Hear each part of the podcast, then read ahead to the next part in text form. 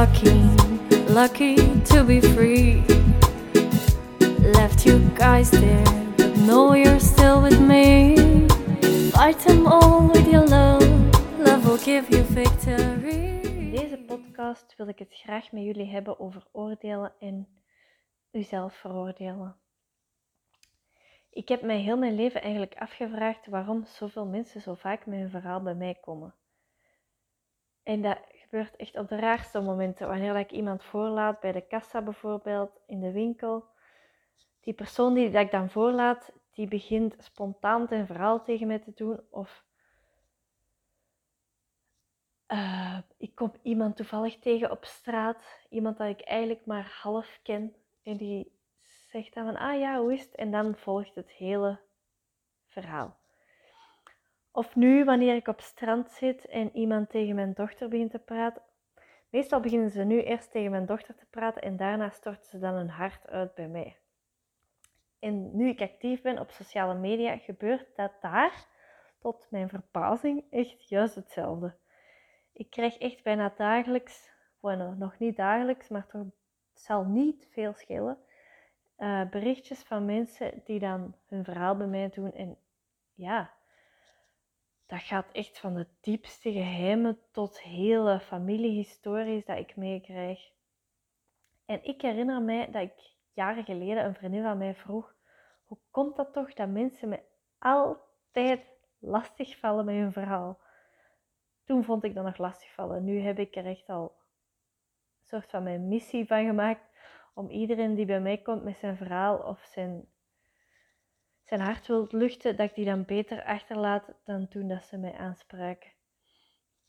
Maar dus, ik vroeg dat toen in de tijd aan die vriendin.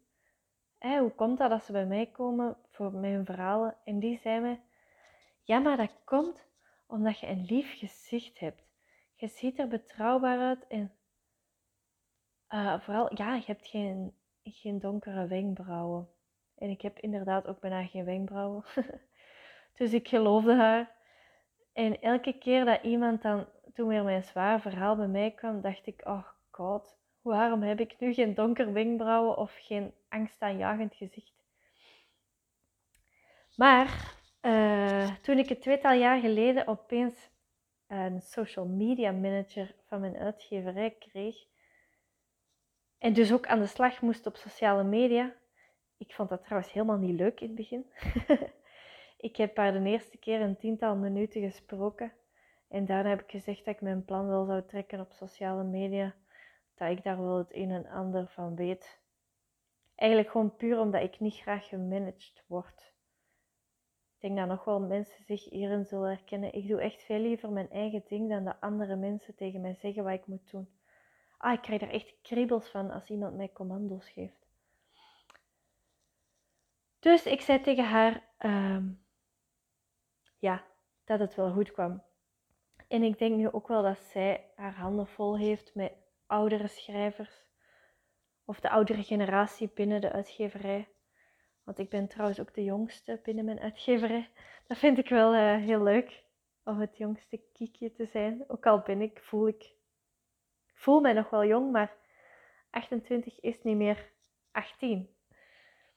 Maar dus, ik moest aan de slag met sociale media en toen kwam ik eigenlijk tot de ontdekking dat daar dus precies hetzelfde gebeurde als in het echte leven. Dus ik kreeg opeens DM's op Instagram en privéberichtjes op Facebook met mensen die mij dan raad vroegen of ja, die dat gewoon een hele levensverhaal eigenlijk bij mij uitstorten. En nu was ik al zover dat ik dat niet meer vervelend vond of dat ik dat niet meer lastigvallen vond. En wou ik die mensen dus wel uh, ja, raad geven of, of laten voelen dat, ze, dat er naar hen geluisterd wordt. En uh, desnoods gaf ik dan ook zo ongevraagd, maar wel goed bedoeld advies mee. Maar uh, toen dacht ik dus over laatst terug aan die vriendin die mij zei dat mensen dat bij mij doen omdat ik lichte wenkbrauwen heb of bijna geen wenkbrauwen heb omdat ik dus een zacht gezicht heb. Maar via social media heb je eigenlijk geen gezicht voor u. Of ja, je hebt daar wel foto's, maar mensen zien niet of dat je betrouwbaar bent. En toen heb ik dus aan iemand gevraagd die dat bij mij kwam voor raad. Wat maakt nu eigenlijk dat jij zo'n persoonlijk verhaal dan bij mij komt vertellen? Ik vind dat totaal niet erg, maar wat triggert u daar dan in? En die antwoorden, super mooi ook, dat was echt een heel mooi compliment. Die zei, uh, ja, dat komt omdat ik me veilig voel bij u. En dat was echt heel leuk om terug te krijgen. En uh, toen ben ik daar dan eens over gaan nadenken. Hoe dat, dat komt dat hij zich zo veilig voelt dan bij mij. En ik ben daar nu 100% zeker van hoe dat, dat komt. Waarom dat mensen dus altijd met hun verhalen bij mij komen. En vroeger kon ik dan echt nog denken van, er is iets mis met mij, want miserie trekt miserie aan. Of ze zien dat ik ongelukkig ben en dan denken ze dat ze hun afval maar bij mij moeten neerzetten. maar dat was mijn eigen negatieve gedachtegang die ik toen nog had. En nu weet ik het intussen wel beter. Want ik was mijn eigen teksten dan eens terug aan het lezen en het denken, ah ja, zie, heeft wel gelijk. Die teksten geven inderdaad wel een veilig gevoel dat ik op social media zet. Maar wat het er echt voor zorgt dat die mensen bij mij komen met hun verhaal, is omdat ik niet oordeel. En dat doe ik echt al, ja, altijd. Ik oordeel niet. Ik oordeel niet. Ik observeer. En mensen die kunnen dat volgens mij gewoon echt voelen. Mensen voelen aan of dat je ergens verder over door gaat denken en die gaat kritiseren. Of dat je gewoon luistert om hen te helpen eigenlijk en dat je zelf geen oordeel hebt. Want ik luister echt gewoon zonder oordeel. Oké, ik analyseer wel wat er gezegd wordt of wat er geschreven wordt, maar ik analyseer jullie verhalen om eenmaal als je klaar bent met je verhaal, dat ik u eventueel raad zou kunnen geven en dat je er iets aan hebt. Ik zat ooit bijvoorbeeld ook aan een kerk in Keulen in Duitsland en daar gebeurde het weer. En ik voelde dat al aankomen. Hè? Ik zag zo'n oude man van ver komen en ik wist, nu komt er weer een verhaal. En die begon dus tegen mij te praten en hij was in Duits dan nog.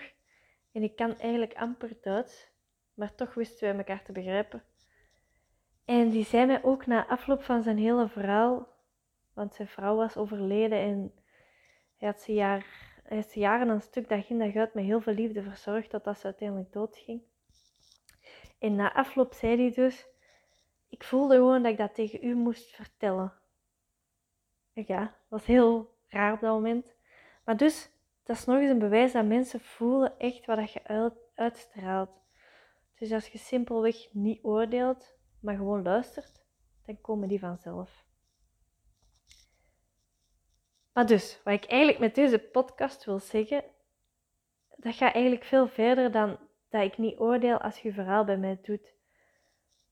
Want ik kwam er jaren geleden achter, of ja, jaren geleden eigenlijk was dat toen ik vertrok naar Egypte en eigenlijk heel veel tijd met mezelf heb doorgebracht en dan kom je tot zoveel inzichten. Maar dus daar kwam ik erachter dat als mensen mij veroordelen, wat in het verleden echt heel vaak is gebeurd, ontelbare keren, en ik snapte echt niet waarom. En ik denk dat iedereen dat wel herkent, want iedereen wordt wel eens door iemand veroordeeld, of zelfs door meerdere personen tegelijk. Dat is misschien nog erger dan veroordeeld worden als zo een hele groep mensen zich tegen u keert en u veroordeelt. Ja, dat, ja. Maar dus, die mensen die u veroordelen en dan zo hard voor u zijn, veroordelen zichzelf juist op diezelfde manier. Want het oordeel dat ze aan u geven is een projectie van hun binnenwereld naar hun buitenwereld. Dus aan de hand van wat zij de wereld insturen, kunt je eigenlijk zien wat er inwendig in hun wereld omgaat, de manier van denken dat zij eigenlijk hanteren. Bijvoorbeeld iemand die iemand ziet lopen op straat en die is iets wat gezetter van postuur. En dan zegt hij tegen zijn man of vrouw: Maar wat een dikke mof. Hè? Of wat, voor een dikke loopt daar. Ik garandeer u, 100.000% zeker, dat diezelfde persoon, dat durf ik u hier en nu echt te beloven met hand op mijn hart, een heel, heel, heel, heel, heel sterke angst heeft om zelf te dik te worden. Want het oordeel dat die persoon velt over een ander, velt die van binnen, met de stem waarmee dat je tegen jezelf praat, velt die ook over zichzelf. Dus als die bijvoorbeeld een heel pak koekjes in één keer opeet, dan gaat de stem in dat hoofd van die vrouw of man ook zeggen: Als ik dit koekje nog opeet, dan ga ik echt te dik worden. Of als ik morgen niet, met, niet direct terug ga sporten, dan ga ik sowieso bijkomen. En ga zo maar door. Dus als iemand heel, heel streng is voor u en u voor eender wat veroordeelt, kunt je daar van nu af aan met compassie naar kijken. Dat zijn mensen die een lastige relatie hebben met zichzelf en die projecteren dat eigenlijk op u. Nog een ander voorbeeld. Een uh, persoon in mijn naaste omgeving, ik ga hier geen namen noemen. Nooit trouwens, heeft geen nut, zowel voor mij niet als voor u niet als voor die persoon niet. Het is enkel maar een voorbeeld dat ik u wil geven, zodat je dat zelf kunt toepassen op je eigen leven. En eigenlijk meer begrip kunt voelen voor mensen die dat u veroordelen. Dus op een bepaald moment aan tafel zegt die persoon tegen mij: Amai, je eet veel. Straks kunt je niet meer in je kleren. Of dan zegt hij: Zou je dat nog wel eten? Amai, ga straks maar eens op de weegschaal staan, dat wil ik nog wel eens zien. En nu ken ik die persoon goed genoeg en weet ik dat hij elke morgen zelf op de weegschaal gaat staan. Dus het feit dat die persoon zo obsessief bezig is met zichzelf wegen en te kijken wat die persoon wel of niet eet, dat straalt hij uit op mij. Dus dat is eigenlijk het probleem van die persoon en die projecteert dat naar zijn buitenwereld toe en die buitenwereld, dat ben ik. Kort gezegd, uh, ja, bijvoorbeeld als er iemand u zegt, zou je dat wel uitgeven of kunt je dat wel betalen? Dat komt dan weer van een persoon die in een staat van schaarste leeft. En vroeger kon ik dan daar echt in meegaan en direct denken: oh nee, ik ben inderdaad te dik. Oh nee, ik eet inderdaad te veel. Oh nee, ik geef te veel geld Maar nu kan ik daar van op een afstandje observeren wat die zeggen en doen. En ik laat die hun zorgen dan eigenlijk ook bij hun. Of als ik echt uh, wil of zin in heb, dan probeer ik die ook ongewild te helpen. Maar dat, dat wordt vaak niet in dank afgenomen. Dus eigenlijk het beste wat je gewoon kunt doen is observeren. Want het is eigenlijk, het is niet van nu, het is van hun. Ja, ik hoorde onlangs, of ik las dat misschien op Instagram, een hele mooie uitspraak. En ik denk dat die van Boeddha kwam. En die zei: als iemand kritiek op u geeft, moet je dat eigenlijk zien als een cadeautje. En als je dat niet aanneemt, blijft dat van die persoon. Dus, als iemand kritiek op u heeft, bijvoorbeeld, jij eet te veel, dan ziet je dat als een cadeautje. Je kunt dat echt visualiseren. Hè? En als je dat niet aanneemt en denkt, oké, je hebt een probleem blijkbaar met eten, want anders zeg je zoiets niet, dan blijft dat bij die persoon. En ja, ik visualiseer me dat dan ook echt letterlijk, dat ik dat pakje voor mijn neus krijg. En dan kun je dat ook desnoods nog in gedachten tegen jezelf zeggen van oké, hier staat nu dat pakje en ik ga dat niet aannemen. Dat blijft bij die persoon. En dat doet je echt door in je kracht te gaan staan en door bij jezelf te blijven. Dus ik ben niet streng voor mezelf, omdat ik ook niet streng wil zijn voor anderen en andersom. Als ik zin heb om morgen vijf dozen koekjes op te eten, dan eet ik vijf dozen koekjes. En dan ga ik me daar ook geen vijf seconden slecht over voelen. Ik heb daar waarschijnlijk totaal geen zin in, maar ik gun mezelf die vrijheid. Moest ik daar zin in hebben, dat dat gewoon kan, zonder schuldgevoel. Het gaat hier wel veel over eten ineens. maar ja, dat, dat is handig eten om, om voorbeelden van te geven. En dat doet mij ineens ook denken aan een vrouw die mij onlangs schreef en die schreef: uh, Jasmin, ik eet zoveel suiker, ik heb echt een verslaving. Wat kan ik aan dat probleem doen? En waarop ik echt heel simpel antwoordde: stoppen met het als een probleem te zien. Want elke keer dat je suiker eet, dan geniet je daarvan. Want ja, dat heeft al die smaaksensaties op je tong en weet ik veel. Maar de gedachte dat die suiker slecht is en je dat toch eet, ga je zieker maken dan die suiker zelf. En dan ook nog, daar schuilt ook weer zo'n ding achter van we mogen niet te dik zijn. Hè? Terwijl dat vroeger een ander tijdperk was iedereen, was het in de mode zelfs om dik te zijn. En nu is het gewoon in de mode om graadmager te zijn. Dus waarschijnlijk is het over een 100 jaar weer omgedraaid en moeten we weer allemaal dik zijn. Dus ik denk dat het belangrijkste van alles wat ik hier nu heb gezegd over dit korte cijferhaal over suiker, dat je jezelf eigenlijk met liefde voedt en dat je dankbaar bent voor je lichaam dat je eten vraagt. Echt, dat is toch een godsgeschenk, een hongergevoel en dat je dat daarna, oh, hmm, lekker kunt eten. Ik heb ooit een burn-out gehad, daar heb ik in de eerste aflevering al iets over gezegd. En geloof me, dan word je vanzelf dankbaar voor een hongergevoel. Tijdens die maandenlange marteling, kan ik dat wel noemen, heb ik geen seconde een hongergevoel gehad. Ik heb nooit honger gehad. Omdat je zodanig onder adrenaline staat, dan voelt je niet meer of je moet eten of niet. Dus als je straks zin hebt in die koekjes, eet ze dan met heel veel smaak en liefde voor jezelf. En als dat niet kan zonder te genieten, eet dan iets anders waar dat je wel van geniet. Zolang dat je jezelf maar niet veroordeelt. En op dat punt wou ik komen, want nu is de cirkel rond.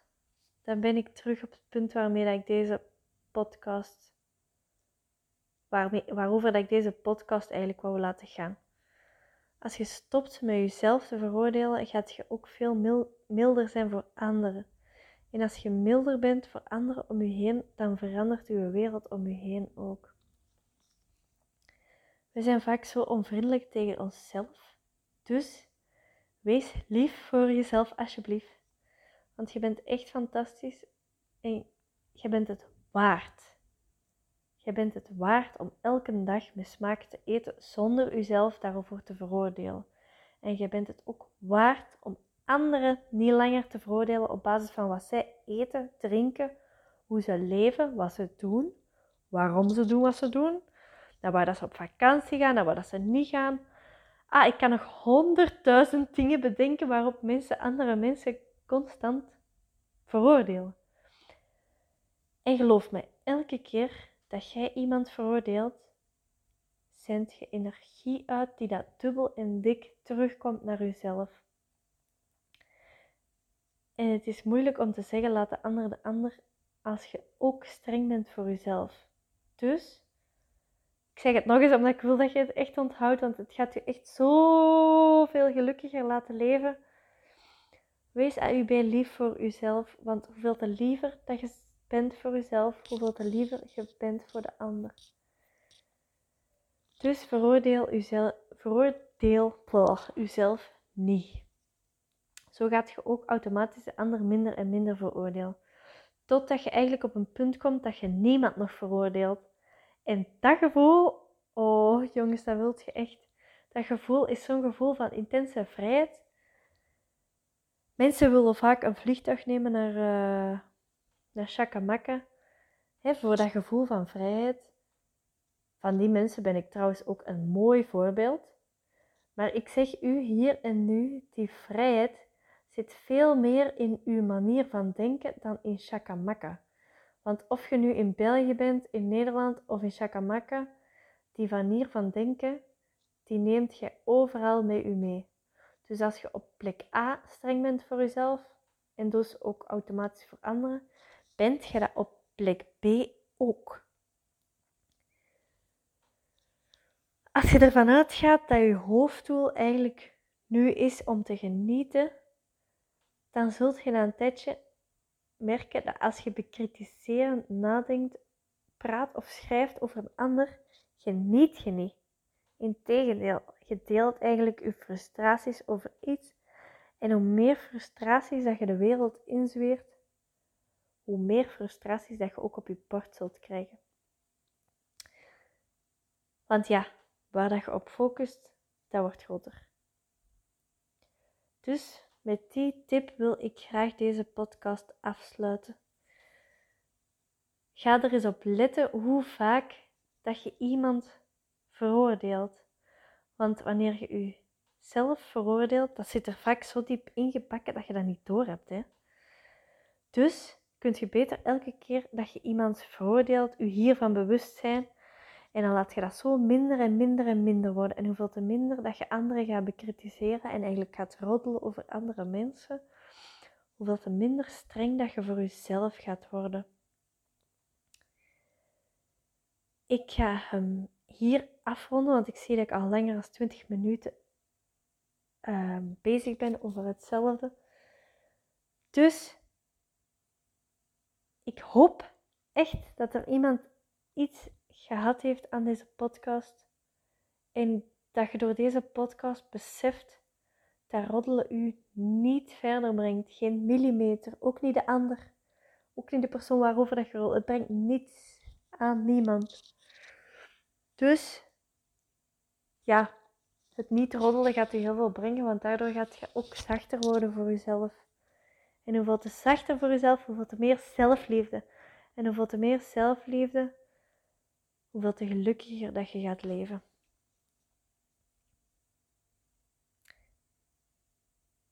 Ja, daarmee wil ik hem afsluiten. Ik hoop dat hij is binnengekomen. En dan hoor ik jullie graag volgende week.